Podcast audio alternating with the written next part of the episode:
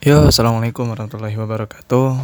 Selamat pagi, selamat siang, selamat sore, selamat malam semua hadirin pendengar. Jadi di sini um, aku pribadi ya, Andi Fahri, ya uh, sesabi uh, seenaknya kalian aja mau manggil gimana. Kayak aku punya dua panggilan ya. Andi buat teman-teman di Jambi dari SD, SMP, SMA taunya Andi, Fahri buat di kuliah di PKN Stan taunya uh, umumnya lebih umumnya gue dipanggil dengan panggilan Andi. Ya sabep nggak apa-apa. Nah um, jadi di sini ini merupakan episode 0 ya sebagai pengantar sebagai pembuka uh, untuk PHD gitu PHD podcast. PHD podcast ini um, singkatan untuk perihal halaman depan.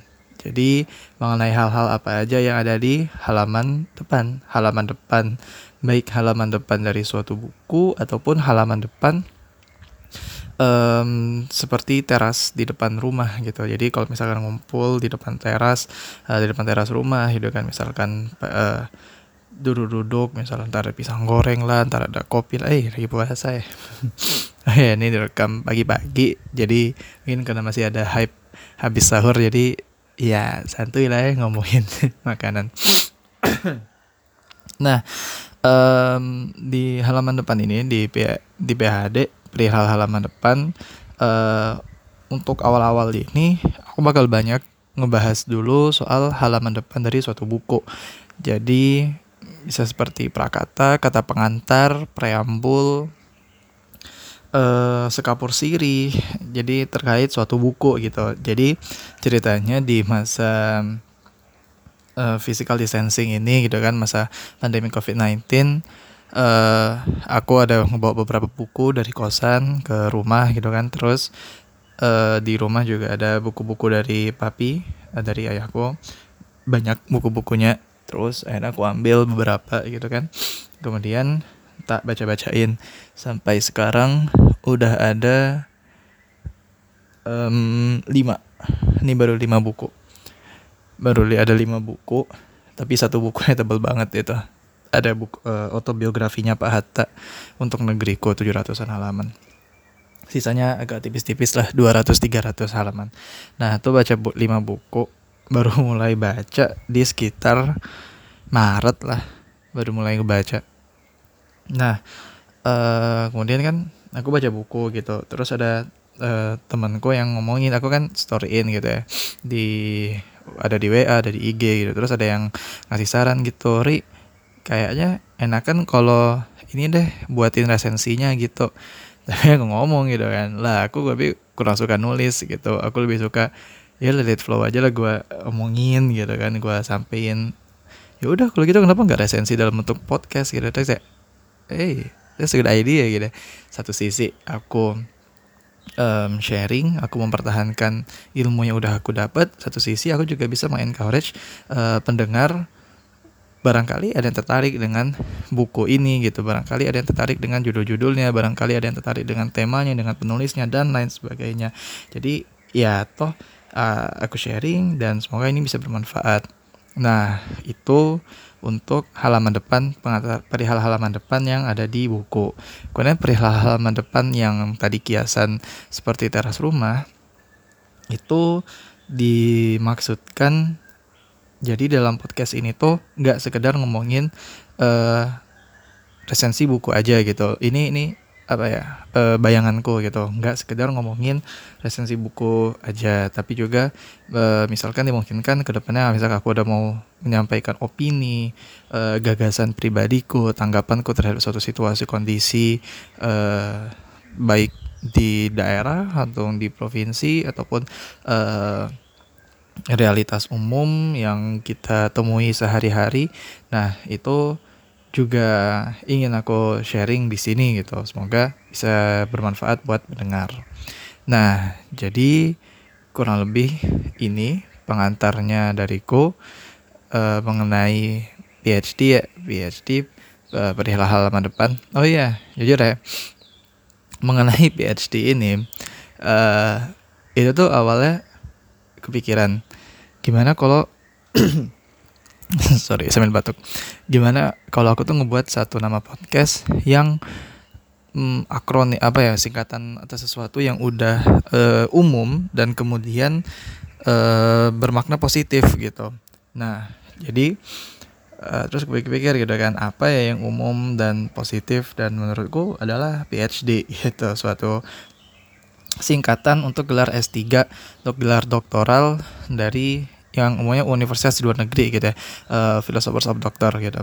Nah tapi ya sebenarnya untuk aku pribadi PhD itu ber, uh, berkesan untukku pertama kali itu bukan karena dia merupakan gelar doktoral tapi jadi dulu tuh ceritanya uh, tahun 2010 kira-kira umur 10 tahun gitu dibawa sama papi mami keluarga uh, liburan ke Jakarta gitu Nah, aku tuh seumur umur tuh udah pernah nginap, nginap tuh selalu di daerah Cikini, ada mes Jambi di situ gitu kan.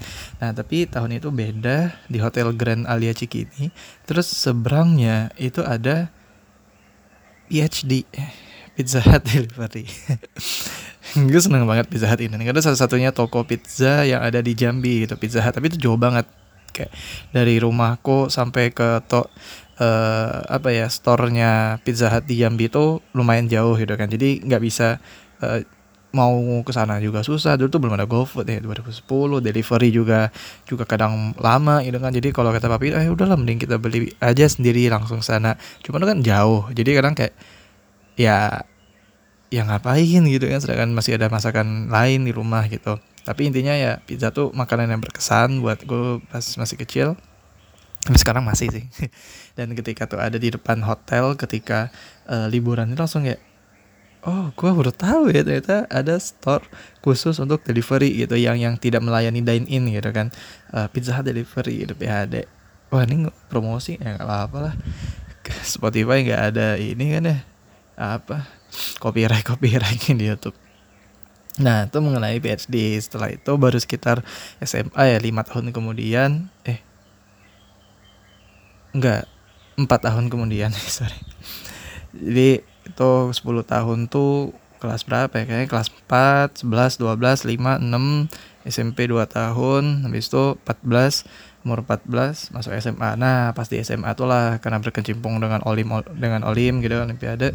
Terus akhirnya baru tahu tuh uh, ilmuwan-ilmuwan misalnya kayak yang di uh, ahli-ahli lah yang di MTK astronomi fisika biologi ekonomi. Kalian aku PhD PhD apaan tuh gitu oh gelar S3-nya gitu kan bukan kalau kalau di luar negeri bukan DR dengan D kapital gitu. Nah, itu mengenai uh, eh, PhD sendiri datangnya dari mana.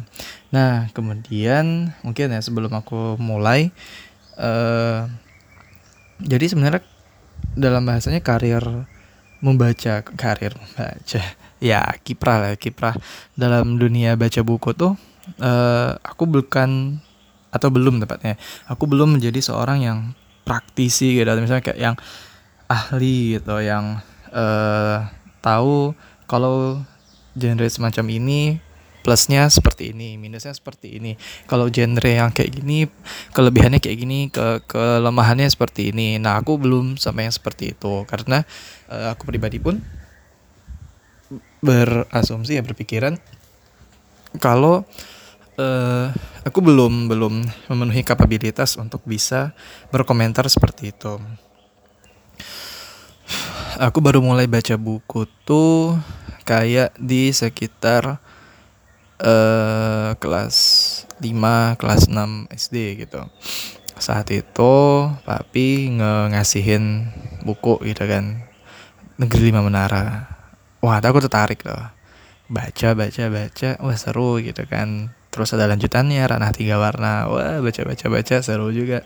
Kemudian rantau satu muara. Nah di saat rantau satu muara ini aku mulai um, suntuk. Karena kayak bahasanya terlalu kecil banget gitu. Yang awalnya negeri menara seru tuh rame-rame gitu kan di Ponpes Gontor. Kemudian uh, ranah tiga warna seru jalan-jalan di Quebec Kanada. Terus kok rantau satu muara kayak cuma berdua doang uh, penulis dengan istrinya doang gitu. Tapi ah gue udah nggak apa-apa ngalir aja gitu. Tapi habis itu UN ya sibuk lah untuk UNSD dan kemudian uh, baru um, baru di kuliah. Hmm, SMP SMA atau enggak ya enggak enggak sempat gitu.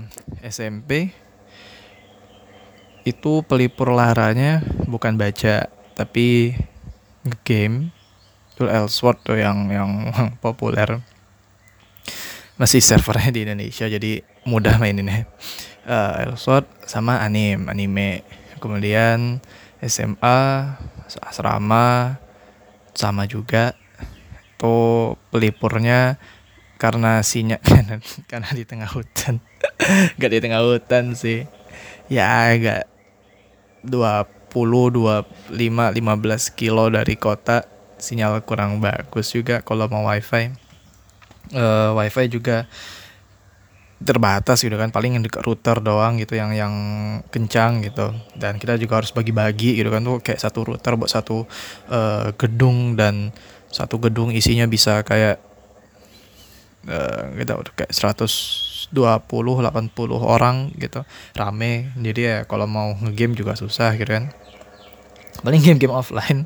Tuh di uh, akalinnya pakai LAN gitu. Tuh ingat banget bisa main Dota pakai LAN gitu. Aku nggak tahu sekarang Dota masih bisa pakai LAN atau enggak dan anime juga gitu. Jadi kalau malam-malam orang tidur ya udah download gitu kan.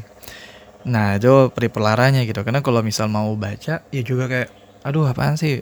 Capek banget gitu uh, seminggu udah baca baca baca buku. Walaupun beda beda konteksnya ya. Satu buku pelajaran yang satu buku bacaan gitu. Buku santai bahasanya lah. Nah terus berlalu aja tuh uh, sekitar lima tahun tanpa ngebaca. Baru pada saat kuliah itu aku mulai ngebaca lagi. Jadi ceritanya di awal tingkat satu di Teknik Keuangan Negara STAN uh, sekitaran bulan Oktober kayaknya Oktober November aku gabung organisasi IMSI namanya Ikatan Mahasiswa Muslim Akuntansi. Kemudian uh, karena IMSI ini bisa dibilang seperti anaknya MBM jadi basecampnya ada di MBM tuh. Nah di sekre cowoknya MBM sekre Ikhwan. Nah itu tuh banyaklah pengurus-pengurus uh, MBM, IMSI, SIMA, UMP dan IMMBC. Uh, oh ya dan sama anak uh, anak-anak RK gitu, anak-anak rumah Quran MBM banyak tuh uh, main-main, bukan main-main ya, banyak yang uh, hadir di sekre gitu, berlalu lalang lah gitu orang-orangnya. Lintas angkatan dan aku kayak wah seru juga ya selain di kosan dan kelas. Ternyata di sekre MBM tuh uh, berkesan banget buat gue gitu Nah, situ tuh aku kenal banyak teman-teman cutting nanti tahun depannya dan uh, dua tahun berikutnya tuh juga kenal ada ada apa ada tingkat tingkat ada dating gitu. Nah di situ misal contoh kayak gue kenal uh, sama Kuku, kemudian ada Mas Rifki Hanif, kemudian ada Mas Angga, ada Mas Adi, Mas Catsik namanya panggilannya Adi, kemudian ada Mas Kital, ada Bang Hafiz, ada Mas Raffi, Nafis, Mas Awana dan teman-teman lainnya. Wah, ini bakal panjang. Nah, singkat cerita tuh di situ karena banyak orang uh, banyak interest juga tapi umumnya yang, yang aku lihat tuh seru gitu kan kayak buku sangat menjamur di dalam sana gitu mulai dari novel sampai uh, yang bersifat ilmiah gitu. nah, cuman karena ini dalam MPM, jadi ya of course konteksnya keislaman umumnya umumnya keislaman semua gitu. Walaupun setelah kuliah lagi sebenarnya enggak juga lah, uh, tetap banyak kok kayak buku-buku self development gitu, misal kayak yang apa seni untuk bersikap bodoh amat, uh, kemudian ah lupa judul-judulnya itu banyak buku-bukunya di situ. Nah satu ketika aku uh, lagi di situ kan duduk di situ terus aku ngeliat tuh ada satu buku uh, yang topiknya menarik gitu kan nama judul bukunya tuh Mishkat. Nah di situ terus aku nanya gitu kan eh ini buku siapa yang punya? gitu. Terus aneh jawab itu tuh punya Rifki tar tanya aja ke dia gitu. Mas Rifki maksudnya? gitu kan Nah terus Mas Rifki udah balik, terus aku tanyain Mas ini buku apa gitu. Kenapa Ri tertarik gitu? Iya aku tertarik gitu. Terus ya udah coba baca uh, bagian yang ini gitu. Nah jadi uh, pengantar ya. Jadi Mishkat ini tuh ternyata adalah uh, kayak buku kompilasi. Jadi penulis, nama penulisnya tuh Hamid Fahmi Zarkashi Ustadz Hamid gitu Ustadz Hamid nih anaknya Kiai Imam Zarkashi Kiai Imam Zarkashi adalah salah satu pendiri pondok pesantren Gontor.